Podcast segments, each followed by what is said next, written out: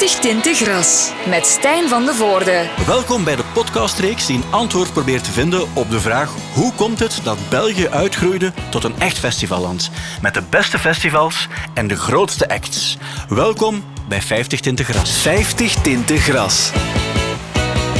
De jaren 2000. Een spannend en glorieus decennium in de festivalgeschiedenis. Niet enkel omdat er nog meer festivals bij komen, maar er wordt ook veel minder in hokjes gedacht. Mark Steen van Doer herinnert zich bijvoorbeeld nog die ene keer dat Beyoncé en haar vriendinnen in de Waalse modder ploeterden. De grootste uitschieter wat dat betreft is uh, Destiny's Child hè, in, uh, in 2000. Op een moment dat zij ook nog niet echt doorgebroken waren. Maar dat men zich wel ook afvroeg van... Waarom wordt Destiny's Child nu in godsnaam op, uh, op Doerfestival geprogrammeerd? zij stonden toen als slotact op zondagavond. Het was een jaar met uh, relatief veel regen.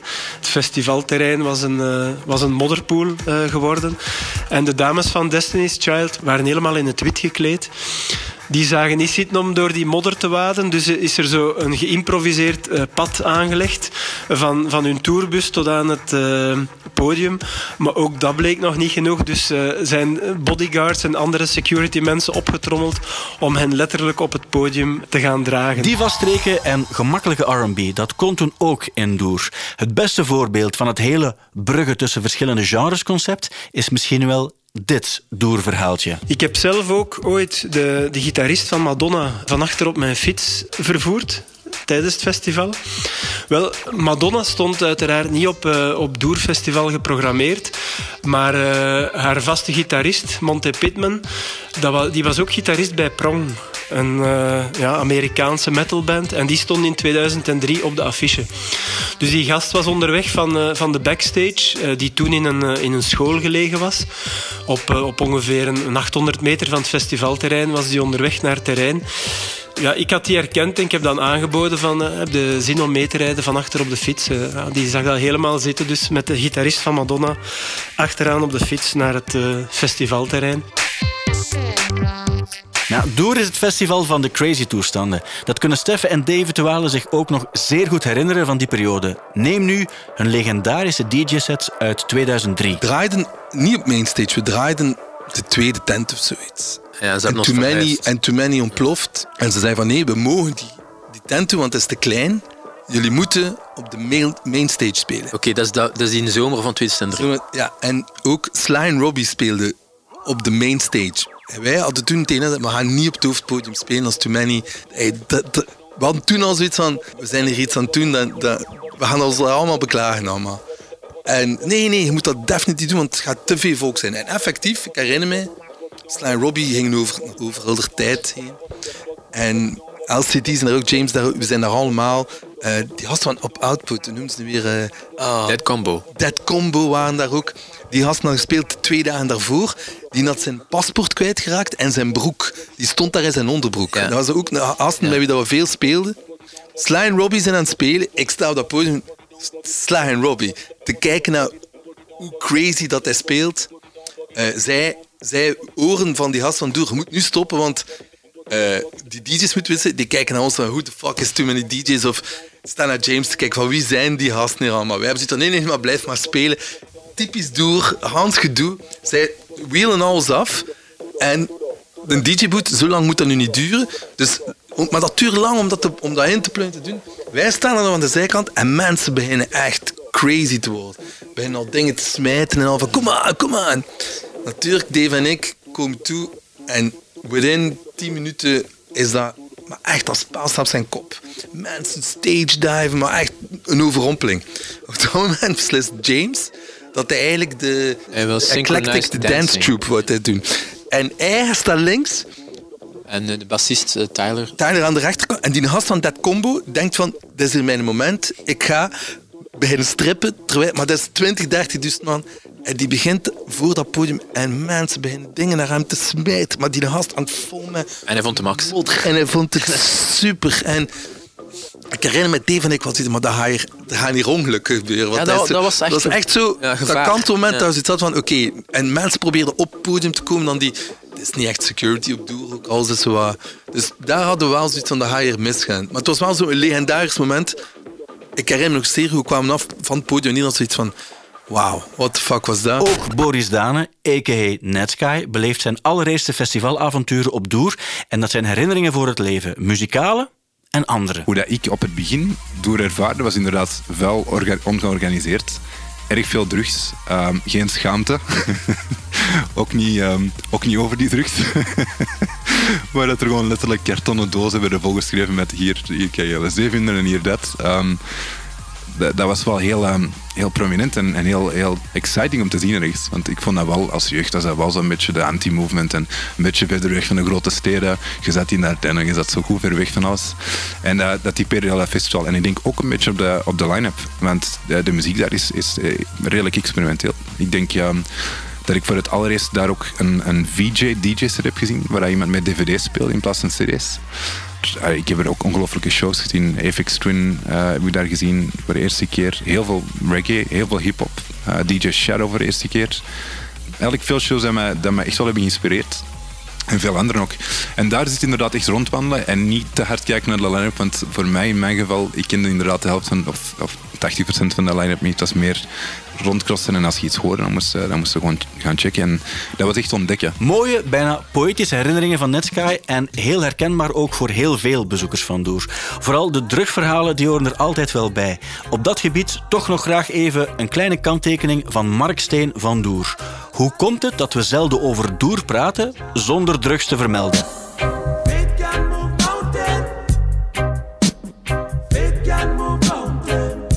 Verklaring daarvoor zou kunnen zijn dat wij in het, van, in, van bij het begin al relatief vrij open geweest zijn over drugs en drugsproblematiek. We moeten daar ook niet, niet naïef in zijn. Vandaar dat wij ook een samenwerking zijn aangegaan met eh, Modus Vivendi. Dat is een, eh, een VZ2 in, eh, in Franstalig België. Eh, die inzet op eh, alcohol- en drugspreventie. Dus wat dat zij deden, op een bepaald moment hadden zij een stand op Doerfestival eh, waar mensen ook hun drugs konden, konden laten testen. Niet met de bedoeling om mensen aan te zetten om drugs te gebruiken, maar wel om ervoor te zorgen dat er geen, geen ongelukken zouden gebeuren. Want mensen kopen soms dingen waarvan dat ze niet weten wat dat er precies in zit. En dat heeft natuurlijk wel voor een beetje beroering gezorgd, denk ik, in, in de publieke opinie.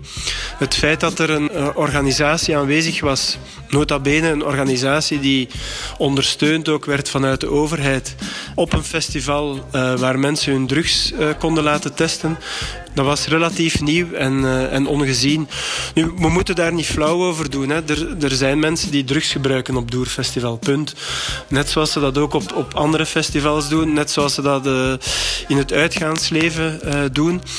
Uh, maar wij proberen toch vooral in onze communicatie uh, te benadrukken dat het bij ons nog altijd draait om, om de muziek. Het ging zelfs zo ver dat op een bepaald moment sommige media naar Doer kwamen, eigenlijk al met een soort vooringenomenheid van en nu gaan we hier eens enkele uh, drugsgebruikers opsporen in het publiek en die hun verhaal laten doen, zonder, zonder ruimte te laten voor nuance. En dat was wel, wel jammer voor, voor iedereen die, die bij het festival betrokken is en die bij wie Doerfestival nou aan het hart ligt. Dus, laat ons vooral de onwaarschijnlijke line-ups en de sfeer van het festival onthouden. De toestanden waar Steffen en David het daarnet nog over hadden. Too Many DJ's speelden niet enkel legendarische sets op Doer en Pukkelpop, maar in 2004 mogen ze ook plots Rock Werchter afsluiten. En dat krijgen ze pas een dag voordien te horen, terwijl ze in Portugal zitten. David Bowie moet cancelen en zij mogen hem vervangen. Too Many DJ's sluit Rockwerchter af. DJ's. Dat was nog nooit gebeurd.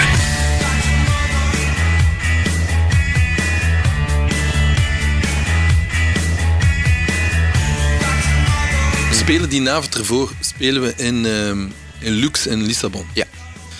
Maar bon, we, gaan dus, we zitten in Lux in Lissabon. Het is de, de, de finale van het Euro. Het is het jaar. Het is finale, het jaar finale, en het is Portugal tegen Frankrijk. Frankrijk in, in Portugal. Dus wij zijn daar, het is daar ongelooflijk. Mensen, ze hebben bijgeloof, sommige mensen wassen niet, die ruiten. Dat was een Hans idee. De, die stad leefde daar zo naartoe. En om die avond te draaien in, in Lissabon, het was een dream come true. En omdat ze ons zo hebben, hadden ze voor Dave met ticketten voor de finale. Dus wij hadden zoiets van, oké, okay, dat is hier de weekend, dat is amazing. En die avond krijgen we ook door, voordat we moeten spelen, eh, Bowie heeft een hartaanval gehad of zoiets. En hij gaat waarschijnlijk zijn optreden cancelen. En de vraag is of dat jullie niet eventueel... Hij, hij had zelf gezegd blijkbaar van... Vraag dan toen mijn DJ's om, om, om mij te vervangen. En wij, Wij geloofden het niet. we hadden ook zoiets van... Maar één, het is al misschien een van de meest belangrijke mensen in ons leven, Bowie. Dat kunnen we toch niet vervangen op een podium door twee gasten te staan te die... Niet dat we ons eigenlijk niet goed vinden, maar we hadden zoiets van... Dat is een rare vraag. Maar ik moet ook zeggen, eh, een maand of drie daarvoor hadden we een tv-show gedaan met Ja, hem. hè. natuurlijk. En we hadden hem ontmoet. En, dus we verstonden wel waarom dat kwam. Maar het leek, het leek ons ook nog altijd een beetje raar. Toen was er contact van hem zelf uit. Van Bowie zelf, van we willen dat echt. Hij zou het echt gaan. Dus je hebt al zoiets van, oké, je zit dan nog altijd in Lissabon. Je hebt zoiets van, maar ja, maar het is ook... we, we, we kunnen hier iets doen dat we ook maar één keer in ons leven kunnen doen. Maar uiteindelijk hadden we zoiets van, oké, ja, we gaan dat doen. Het is, het, is, het is Bowie. Dus dan zijn we dan in eenzelfde dag teruggevlogen eh, naar België. Na het optreden, denk ik. En eh, dan was dat raar. Want dan moesten wij draaien. En dat was toen nog met, met vinyl. Herinner ik me, want een stuk vinyl mee. Vinyl en cd, ja. CD. En, en we draaiden en mensen gingen uit hun dak. En ik herinner me Pharrell, want ik denk dat en NERD's stonden ook op, op, op weg dat jaar, denk ik. En hij stond aan de zijkant ook te kijken van, maar wat is dat? Wat is er hier aan de hand? Dat is een beetje onwezenlijk eigenlijk.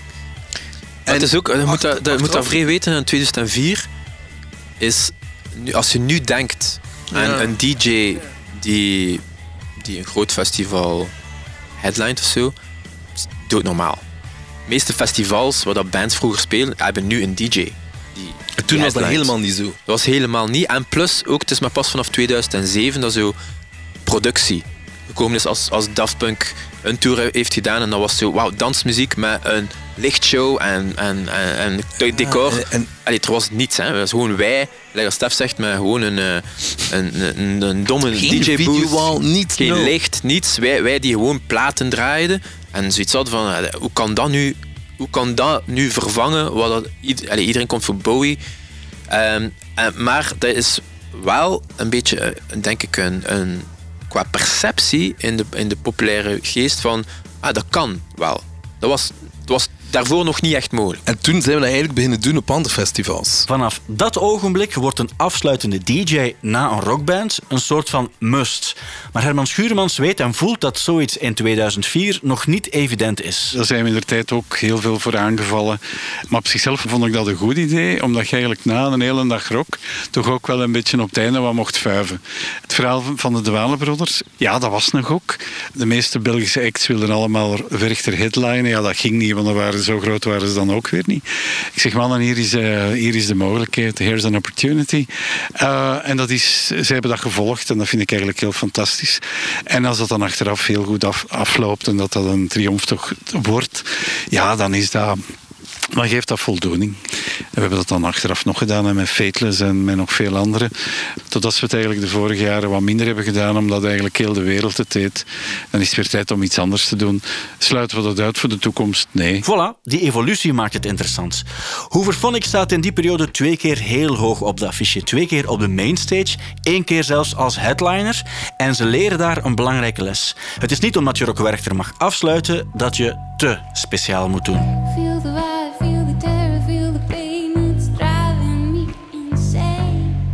Ik weet ook nog goed, in 2001 toen we headlinen op Werchter, toen hadden we ook de fout gemaakt om te denken van, ah, we spelen op Werchter, nu moeten we iets speciaal doen. We waren al kei lang het toeren, we waren goed gerodeerd en dan gingen we ineens iets anders doen. Dus is van alles misgegaan. Is echt, ik, ik, ik, had, ik nooit vergeten. Zo had een, een lichtman en die had niet beter op gevonden van een soort deur op podium zo, die dan open zou gaan en gijken zou er dan van achter komen. Maar echt Spinal Tap, avant la lettre gewoon. En die deur ging niet open.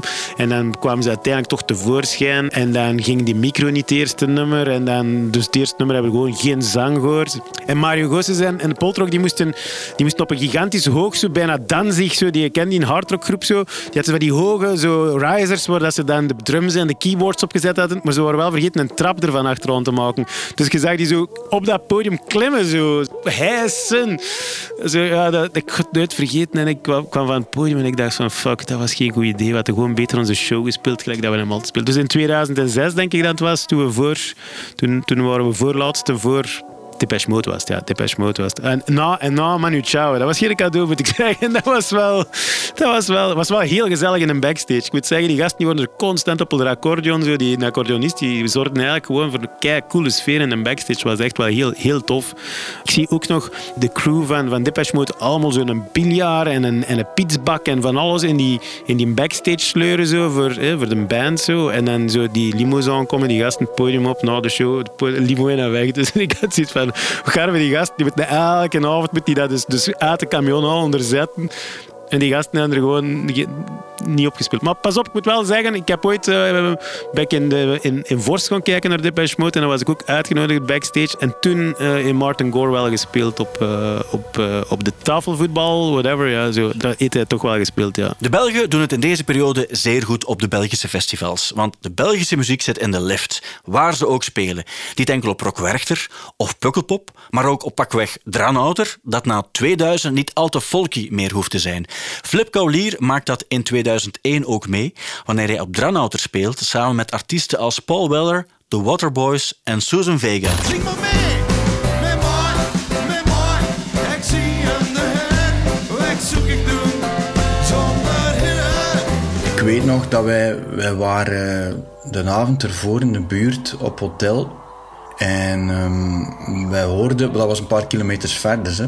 En wij hoorden zo de DJ op, op een of ander bal daar met maten draaien. En, en ehm, heel dat publiek zong mee. En wij hoorden dat kilometers verder. Dus we waren al volledig psyched. En dat is van yes, yes. En dat was ook zo. Dat was, als wij speelden, dat was een overweldigend succes. Dat is nu wel grappig dat ik dat zelf zeg, maar allee, we stonden er ook van verbaasd dat dat zo was. En later, ik heb daar ondertussen heel, heel vaak gestaan. Later hebben die, die mij dan nog zo wel een keer verkozen tot eh, artiest, dat de mensen daar liefst zagen optreden. Ja, Flip Kaulier, de held van West-Vlaanderen en omstreken, want een jaar later scoort hij solo op alle andere festivals. Bijvoorbeeld ook op de Lokerse feesten, die in die periode een affiche samenstellen die er steeds indrukwekkender uitziet. De Lokerse feesten bestaan al sinds de jaren 70, maar vanaf eind jaren 90 wordt het steeds internationaler. Vanaf deze periode verdienen ze absoluut niet meer de naam B-festival. Tom. Als je het plezier en het aantal mensen en de ontvangst en hoe dat je wordt verzorgd optelt, dan is dat een dikke vette A. Ook wat dat zij heel goed doen, is groepen. Bijvoorbeeld, ik heb dat de Stooges gezien, maar man, dat blies alle jonge en, enfin ja, jonge, oude, grote, nieuwe, hippe, blies dat gewoon weg. Dus een heel slimme programmatie, ook van de oude garde. Eh, Roxy Music, eh, ehm, eh, Brian Ferry, die, die every, every Dream on Heartache speelt. Ik heb Grace Jones, die, eh, die eh, een discussie aan begint te gaan met iemand die zegt dat ze moet stoppen met Frans te praten. Oh, Jesus fucking Christ. Ehm, dus ehm, ja, dat, Cactus is nog zo een. Ehm eh, Krammerok vind ik een heel sympathiek eh, ook festival. Dus maar het zit ons in ons bloed. Hè. Je voelt dat dat... En dat is, dat is de max, hè, dat we hier... Dat we, dat, deze kleine zakdoek... eh, dat er zoveel goeie zijn. En zelf de zogezegde B's of C's nog altijd een service kunnen geven. En goede bands. Nous sommes en Belgique.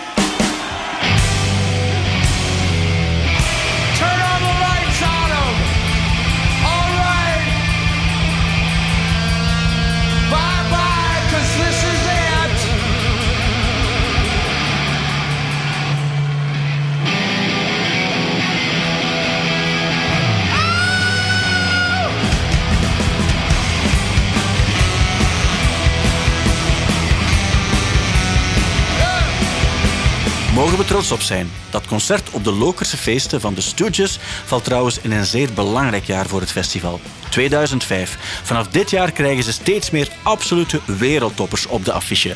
Programmator Peter Daning. De grote stap dan voor de buitenwereld of voor, vooral nationaal was eh, 2005. Toen hadden we The Cure.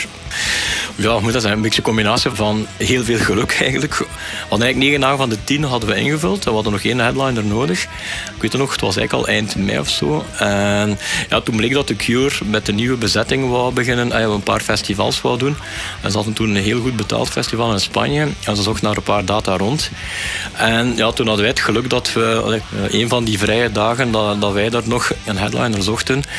Dus met veel geluk en overtuigingskracht, eh, ook dank, dankzij Herman Schuurmans, die dat echt eh, toen voor ons heeft opgenomen en dat risico heeft genomen om die band bij ons te zetten, eh, hebben we dat toen kunnen boeken. Ja, is fantastisch goed gegaan. Dus ook een, denk ik, ze hebben toen een live DVD uitgebracht en er staan drie of vier nummers van op ons festival bij. Ze hebben toen ook twee uur en een half gespeeld in plaats van de voorziene anderhalf uur of zo. Dus eh, ja, dat was echt zo een, een, referentieconcert. Eh, ik denk dat, dat ons wel echt veel geholpen heeft.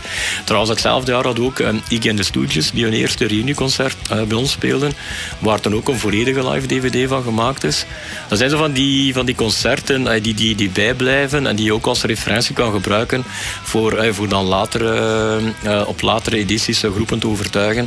En als je dan kan zeggen, vorig jaar of twee jaar geleden hadden we de Cure en Iggy, ah, oké, dan eh, ga je natuurlijk mensen vlugger kunnen, kunnen overtuigen.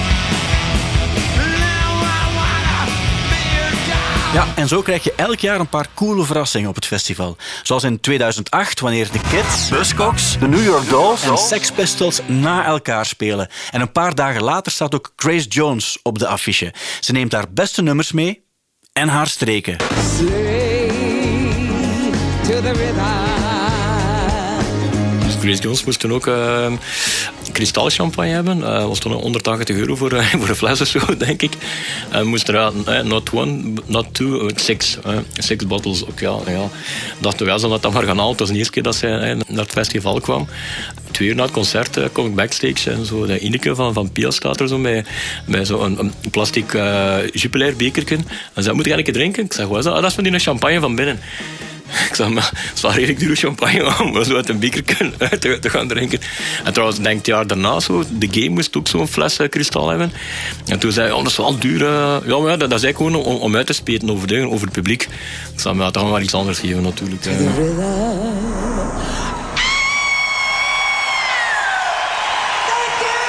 Dan zijn de Belgen begin 2000 eerder bescheiden en minder veel eisend dan de internationale superstars.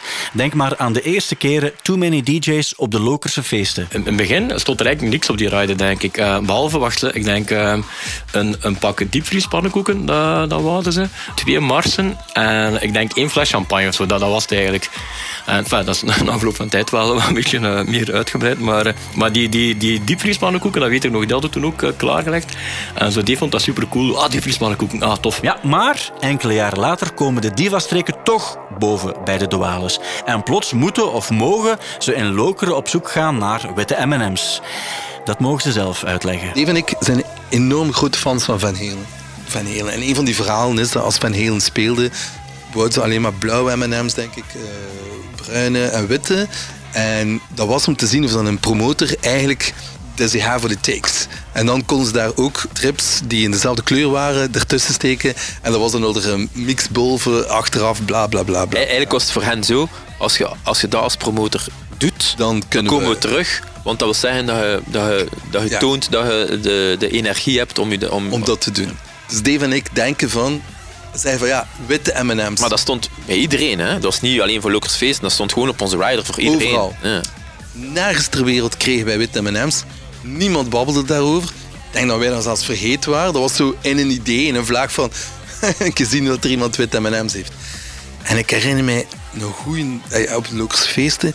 Peter die naar ons komt met een smile. En zei, ik heb ze. Ik heb ze gevonden. En wij zo, maar wat heb je gevonden? En hij zo, witte M&M's. Zo, witte M&M's? En hij had daar echt alles aan gedaan. En ik denk misschien op dat moment is er ook een soort band tussen ons gegroeid. Bij Peter, waarin dat we, ik heb echt wel respect voor hem. Ja, dat toont ook hoe dat, festival, ja. hoe professioneel Ja. dat ze eigenlijk zijn. Want als je dat vergelijkt met... Allee, wij zijn kinderen van de Gentse feesten. Maar als je ziet wat de Lokerse feesten geworden is in vergelijking met de, met de Gentse feesten, is, dat is fantastisch. De Lokerse feesten gaan over muziek. De Gentse feesten gaan over de zon zien opkomen op de Vlasmarkt. Andere invalshoek. Al gebeurde er ook een paar plezante muzikale dingen op. Onder andere Polé Polé en Boomtown. Flip Kaulier. Iets dat mij altijd zal bijblijven eh, was eh, toch van commerce op de Gentse feesten op eh, een van de eerste edities eh, van Boomtown. En dat was nog op de vrijdagsmarkt zelf. En er was zodanig veel volk eh, op dat plein afgekomen voor toch van commerce dat, dat ze dat moesten afsluiten. Ehm, Maar dan gingen eigenlijk de mensen op, op eh, de muren en auto's rond dat plein staan, zelfs op, op, op bussen en zo. En dat was, dat was zo'n moment dat ze, allee, dat, er dan, dat ze dan achteraf moesten beginnen nadenken van ja, oei, hoe gaan we dat nu eigenlijk doen als, dat, als bands zoveel volk trekken. Ze hadden daar eigenlijk op voorhand nog nooit zo over nagedacht. Ik ben de boss, ik ben een heerser. Ik ben de boss, vetter dan Elvis. Ik ben de boss. De West-Vlaming bevlasvorming van de bier tot de gasten. We gasten, eet gemesten. Eine dag daar verwacht en met z'n desde. Danny Lucy lust had hier niet over Westweg. Dat was natuurlijk de allereerste editie van Boomtown in 2002. Eerste edities zijn altijd moeilijk. Dat geldt trouwens ook voor een festival dat snel uitgroeit tot een wereldmerk. Tomorrowland. Een echt outdoor openlucht dance festival. Dat concept speelde al langer in de hoofden van heel wat organisatoren.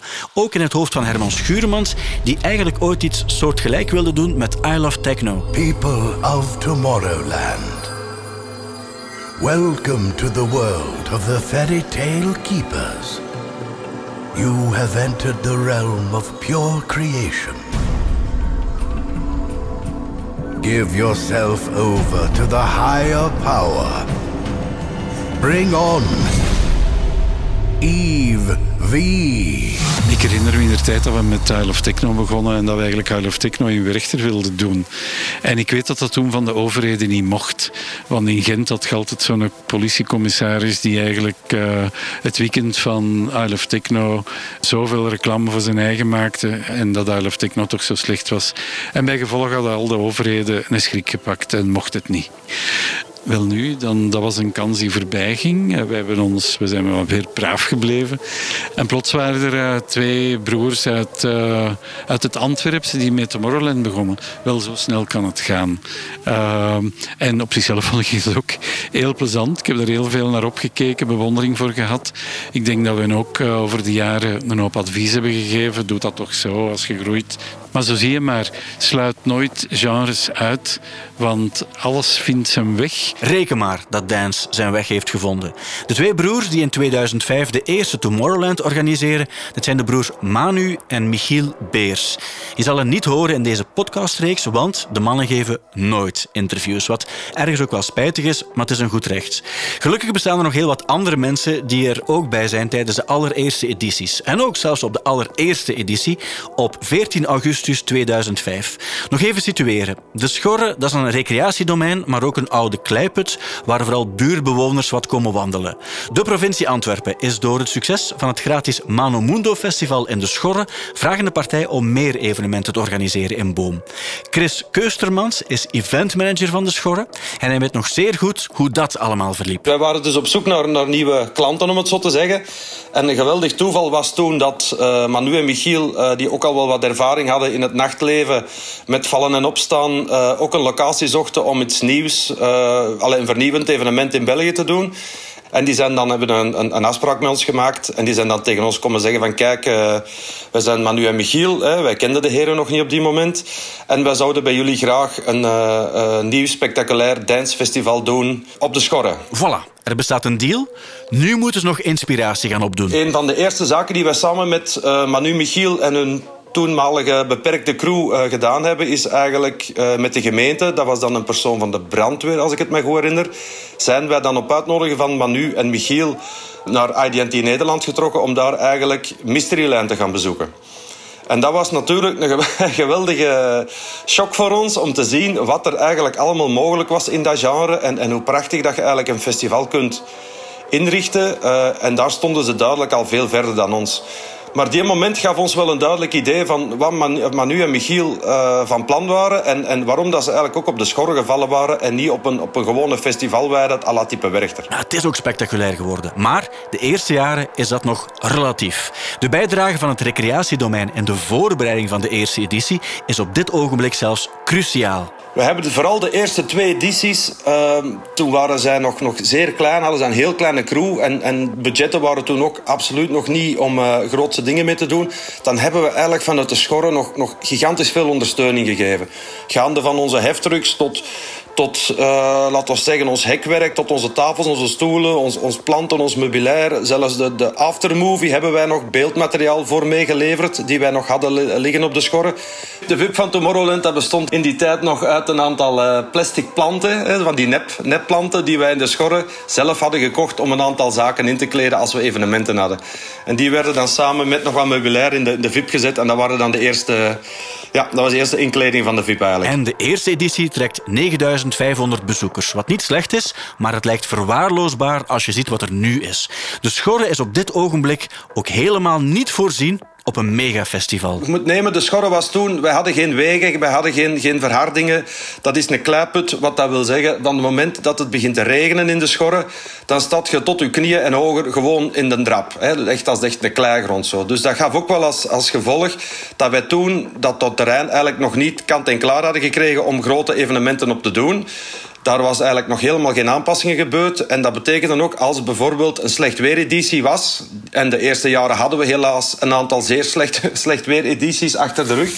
Dat eigenlijk de weken na het festival was dat eigenlijk één grote modderpoel. Maar natuurlijk ook voor de buren, die zagen ook natuurlijk een groene, een groene pelouse in één keer veranderen in een moddervlakte. Toen hadden we ook nog niet de budgetten om dat onmiddellijk terug allemaal in orde te krijgen. Dus dat zijn zo wel zaken die in het begin ook wel wat vrevel en die moeilijk waren om dat eigenlijk uh, bij de buurt vooral dan uh, direct enthousiast te krijgen. Regen en modder en ontevreden buren, het zijn geen toestanden die je ziet in de sprookjesachtige aftermovies van Tomorrowland. Maar op dit ogenblik bestaan er zelfs nog geen aftermovies.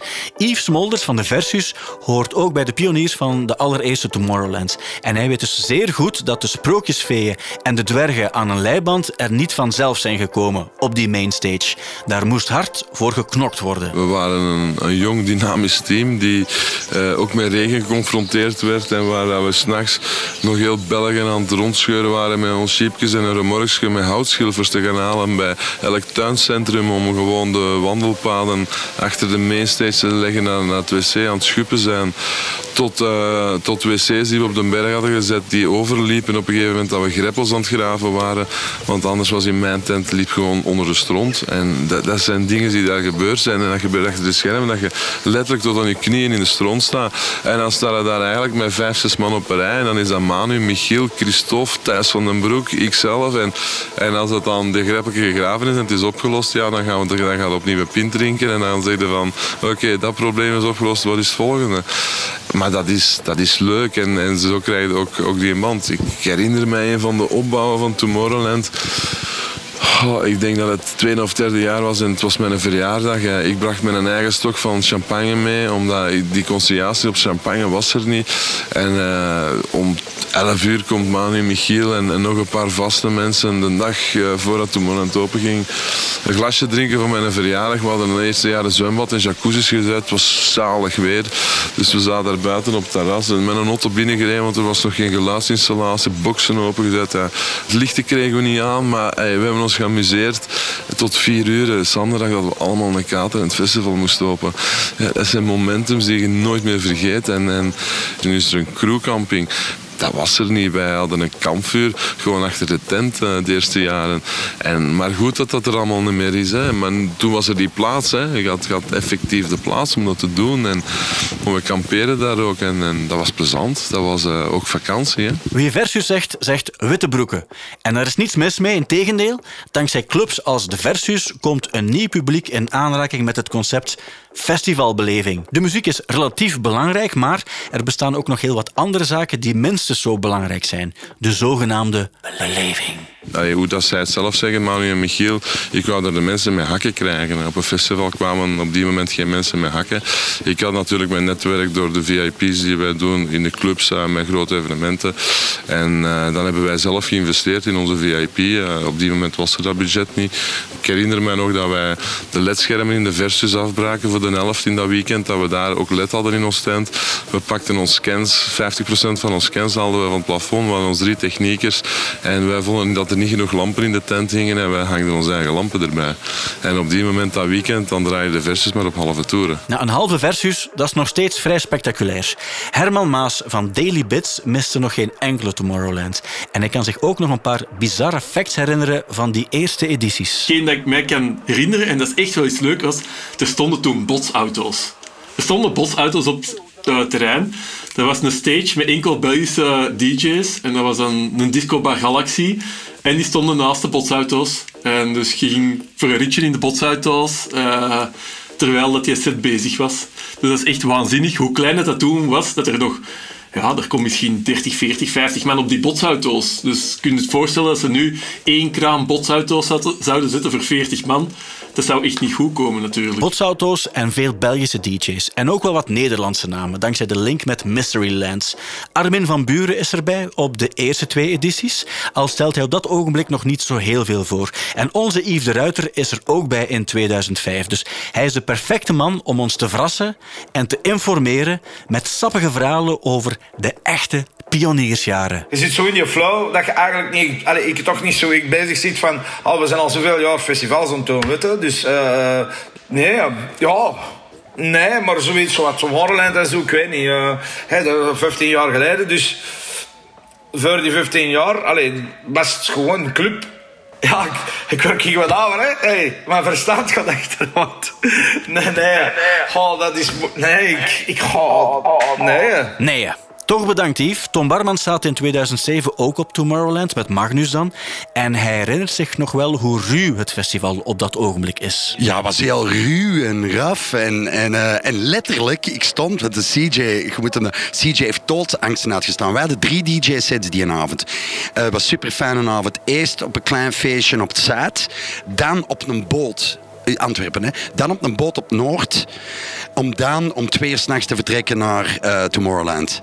En dus, ik had er wat vodka Red Bulls op. Ik was in uitstekende hum. Ehm, we draaiden samen. Ik MC'de een beetje. Ik deed dan teksten van de eerste plaat. Of ik improviseerde wat. We deden een back-to-back verder. Maar natuurlijk, eh, ik was eh, in, in, heel goede, eh, in een heel goede mood. Ik klom op de box. Maar de box was 9 meter hoog. Dus als ik was gevallen, was ik dood geweest. CJ heeft drie mixen gemist. Door gewoon te zeggen, haal die barman er alsjeblieft vanaf. Om het te zeggen, dat was een ruwe plek. Dat was niet zo de, de, de, wat je nu ziet, eh, die, die zeer geoliede... Wat ook normaal is, ze hebben een evolutie doorgaan.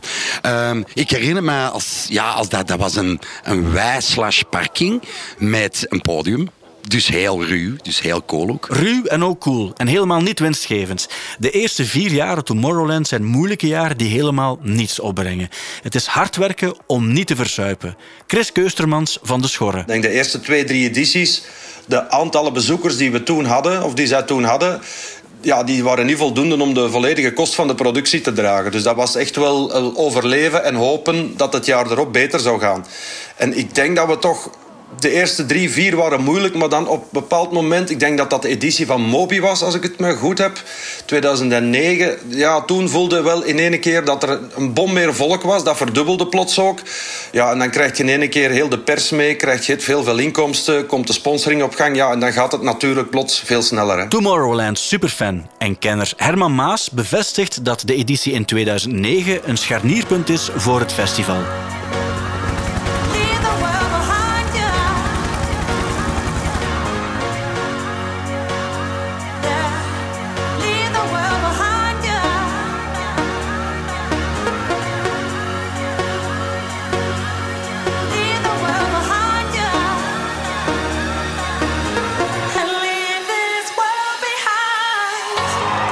2009 was met Moby.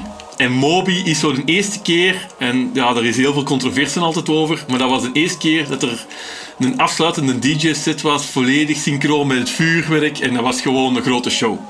En oké, ja, inderdaad, dat is voorbereid en die, dat vuurwerk dat moet op het juiste moment komen en dat kunnen ze niet even at random op die moment uit hun mouw schudden. Maar dat was de eerste keer dat er echt zo dat he- heel veel mensen hadden van wow, wat is deze? Ah, dat vuurwerk, synchroon op de muziek. Ehm, en 2009 is voor mij dan ook zo het moment. Ze hebben dan die aftermovies zijn ze dan gestart. En op die manier zijn ze eigenlijk dan echt hun eigen marketing gaan doen. Buiten de landsgrenzen. Dus dan zijn ze gestart met die aftermovies. En ja, je ziet dat dan op YouTube. Het eerste jaar is dat dan nog 100.000 kijkers. En dan na een paar jaar zijn dat ineens 75 miljoen kijkers naar die aftermovies. En dat is eigenlijk de grote marketingcampagne geweest buiten België. Ehm, door heel gelikte aftermovies te gaan maken. En je ziet dat heel duidelijk, die aftermovie bijvoorbeeld van 2009 en dan naar 2010, 2011, zie je dat er plots geïnvesteerd is in echt um, professioneel, een script, een, een hele clean sound daaronder werd, een soundtrack dat erbij kwam, een team song dat er werd gemaakt en je merkt gewoon dat dat een verhaal werd. Onderschat nooit het belang van die aftermovie. In 2009 lokt Tomorrowland 90.000 festivalgangers, een verdubbeling van het jaar voordien. En het festival is vertrokken. Reggie speelt in 2009 ook op Tomorrowland en dat was heel plezant. Maar enkele weken voordien maakte hij het avontuur van zijn leven mee op een festival waarvan hij dacht dat hij er nooit zou staan. In 2009 speelt Reggie met Milk Inc. in de Pyramid Marquee op Rock Werchter.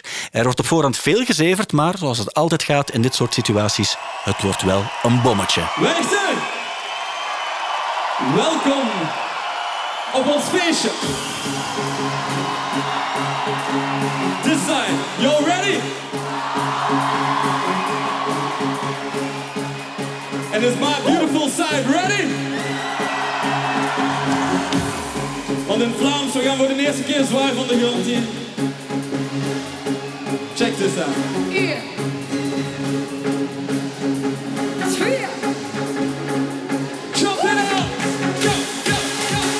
De tent is letterlijk te klein en ze staat op zijn kop. En dat is iets wat sommigen op voorhand misschien niet onmiddellijk hadden verwacht. Maar Reggie wist wel dat het allemaal goed zou komen. Op een gegeven moment kreeg ik een mail zo van er is groot nieuws, want er is een aanvraag voor een zeer bijzondere show, maar je mocht nog niks zeggen. Dus ik was de eerste van de groep die het wist dat wij eh, een aanvraag gekregen hadden voor Rock Werchter te doen. En ik had direct zoiets van, jawel, yes, yes, yes, yes. Ik, vond, ik, dacht van, ik dacht wel onmiddellijk van, oh, daar gaat een beetje over gezeverd worden. En ik had gelijk. Voordat dat concert nog maar bezig was, was het alleen maar interviews over en hebben jullie geen bang? En, en, en niet, hè, gaan ze niks naar je kop gooien? En er is zoveel kritiek op Facebook. En ik had zoiets van, nee, ik, heb, ik, had, ik had totaal geen schrik voor gehad. Nooit. Het enige wat ik wel beu was, was van 100.000 interviews te moeten geven voor die show. Ik had zoiets van, laat mij gewoon op dat podium stappen en je zult wel zien. Maar laat mij niet toch allemaal voorbesprekingen gaan doen. Laat ons gewoon spelen. Linda had wel een beetje schrik. Die is zo, dat viel echt op. De eerste 5 of 10 minuten van de optreden stond hij 20 meter naar achter. Maar dat viel allemaal mee. Je ziet maar, er is een heel groot verschil tussen de wereld in werkelijkheid en de wereld op, op de blogs en op Facebook. Hè. Er is nog altijd, je hebt nog altijd het publiek. Het publiek wil zich amuseren. En de tent was letterlijk en figuurlijk te klein. Ze raakte er niet in en het was van de eerste nood was het chaos. Ik heb, ik heb nog nooit, eigenlijk sindsdien ook niet meer, zoveel lawaai gehoord van het publiek voordat wij nog maar op podium stonden. Allee, de, de, de grens is weg tussen ja, een rockfestival, een dancefestival. Ik sta overal sindsdien. Maar toen was dat hokjesdenken was al gedaan. Hoor. Dat hokjesdenken zat alleen nog maar in de, als ik het zo mag zeggen, oudere generatie. De jeugd was daar toen al niet mee bezig in 2009 en nu al helemaal niet meer. Dat bestaat gewoon niet meer. Die gaan zowel naar Gaspop als naar Tomorrowland als naar het Slagerfestival. Dat is hetzelfde publiek. Daar is een overlapping. Oké, je hebt extreme, maar de, jeugd wil zich gewoon amuseren. En dat maakt niet uit waar het is, als het maar groot en plezant is. En je hebt echt niet meer zo die typische kledingstijl en dit en dat. Dat is, dat per genre, dat is er helemaal uit. Dat was er toen al uit en nu bestaat dat volgens mij niet meer. Dames en heren, alles daartussen. Is het nummer in onze show. Waar iedereen altijd totaal van de grond gaat. Is ook Pyramid McKee. Rock right now. Go! Jump, jump. Oké, dat is lang genoeg. Niet tegen Reggie, uiteraard in tegendeel, maar voor Reggie stonden er uiteraard al een boel andere elektronische acts op Rock Werchter. In de jaren 90 zijn er al Underworld en The Prodigy en Chemical Brothers. En in 1997 sluit Daft Punk zelfs het zijpodium van Torhout Werchter af. Negen jaar later, in 2006 dus, staat Daft Punk opnieuw in België, maar op Pukkelpop. En ze hebben een enorme piramide meegebracht. Het wordt een historisch optreden om verschillende redenen. David de Walen van Too Many DJs. 2004, 2005, 2006, 7, 8, 9 zijn allemaal jaren. Nou, elk, elk zomer zaten we altijd overal alle festivals. In 2007 waren we op veel festivals samen met Daft Punk. En dat was de eerste keer dat zo'n coole show Ja, het is waar. met visuals gebeurde. En ja, er waren wel, misschien Tiesto had misschien ook wel zo wat dingen zo, zo wat visuals of zo. Maar iemand die het zo en er echt geld in stak en zo. En dat heeft heel snel een soort eh, ja, cumulatief effect gehad waar dat iedereen, fuck, oké, eh, ja, we moeten ook eh, van alles doen. En visuals en, en schermen en LED en zo.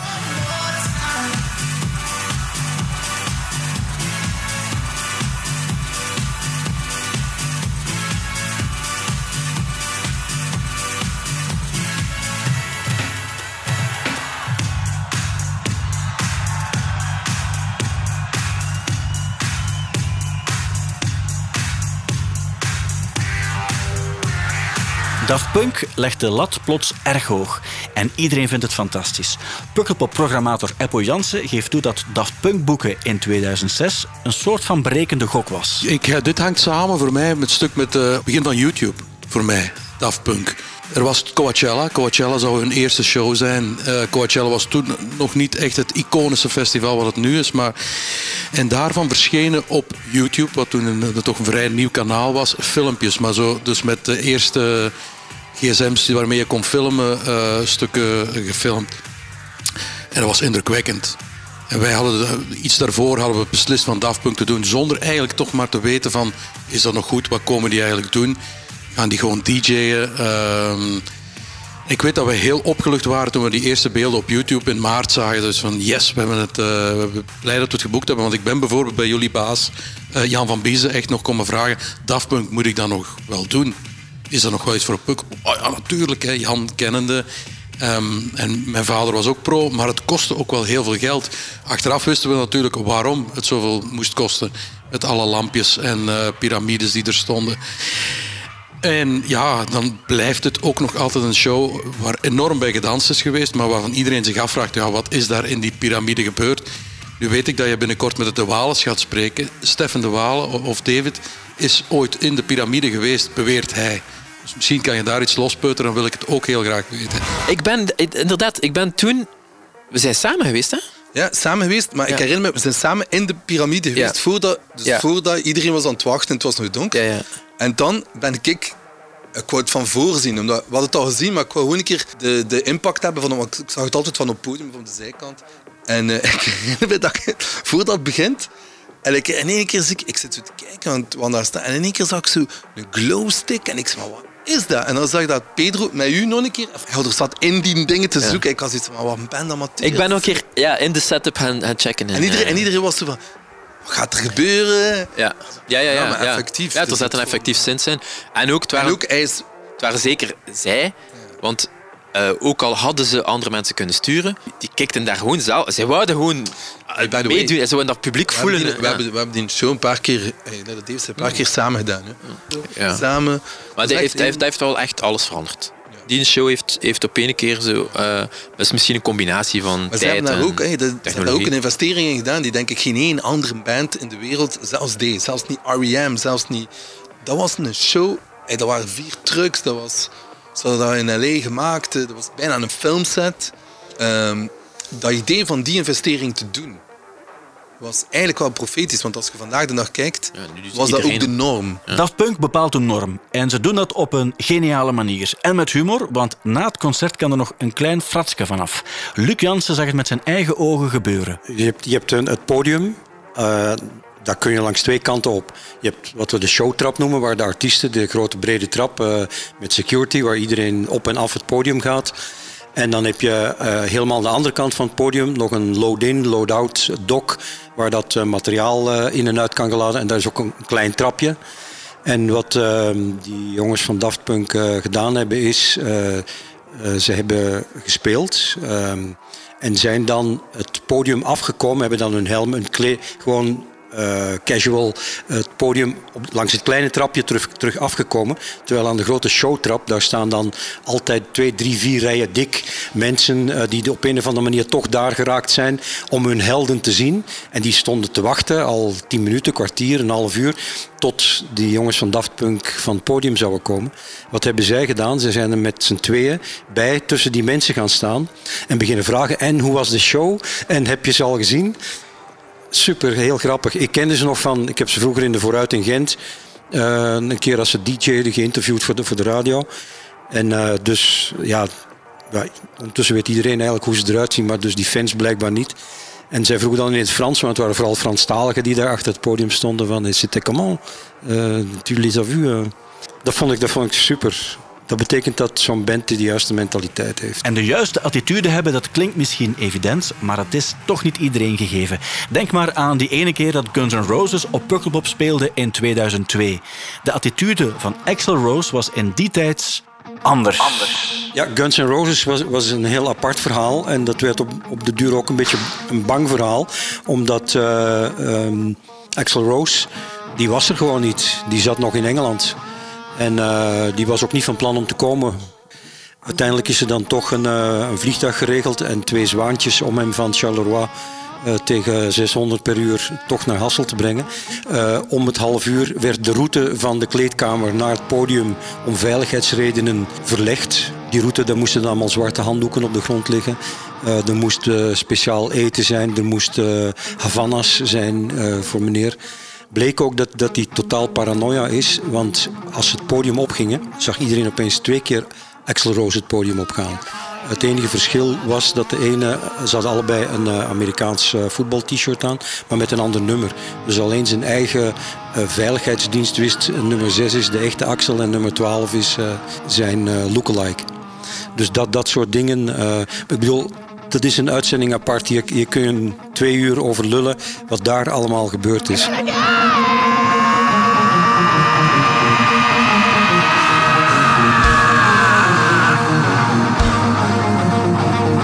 Altijd feest als Axel Rose komt. Dat ontdekken ze ook in Dessel. Als Guns N' Roses in 2006 op de affiche staat.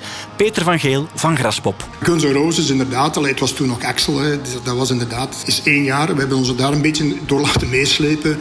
Dus hij moest dan een chiropractor hebben, hij moest een, eh, een masseur hebben, hij moest eh, een, een hairdresser hebben, hij moest eh, allerlei, een dokter moest daar zitten. Die mensen moesten daar gewoon op een stoeltje gaan zitten de hele dag. De kleedkamer werd helemaal verbouwd.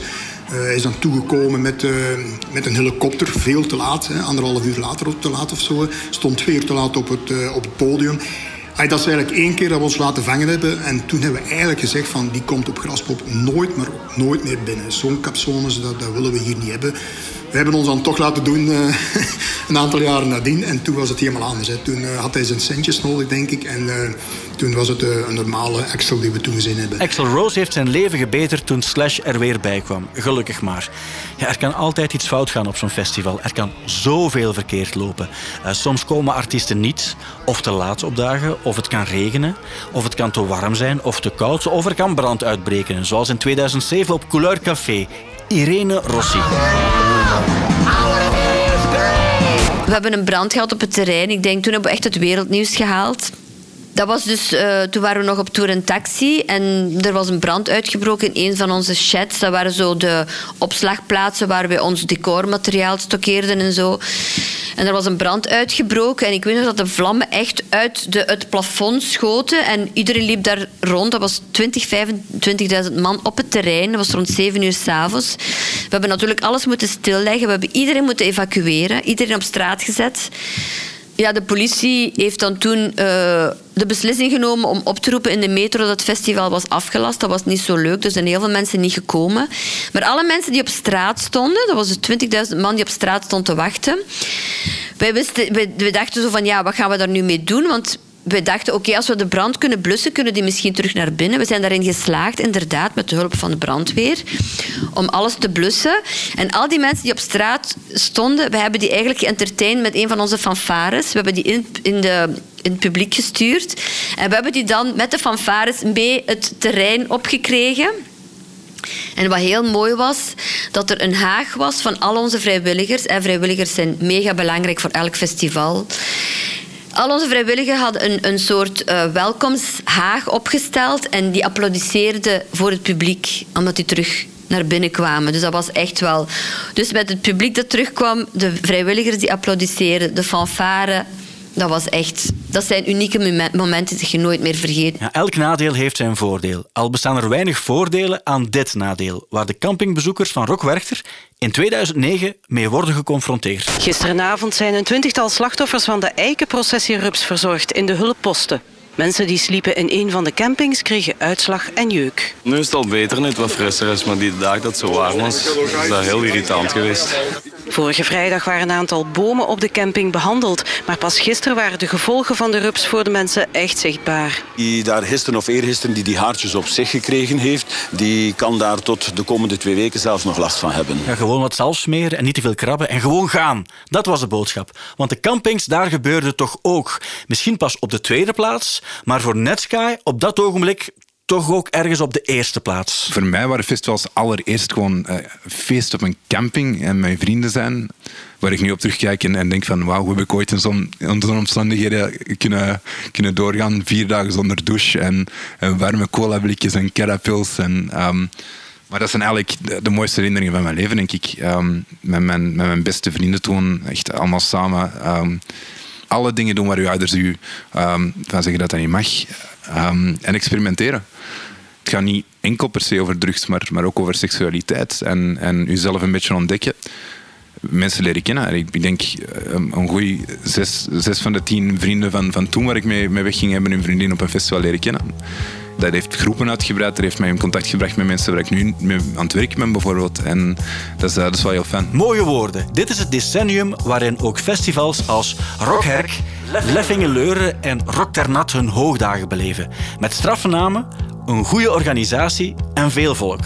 Sommigen zullen overleven, anderen niet. Dat is de harde festivalwet waar ik het ook in de volgende en laatste aflevering zeker over zal hebben.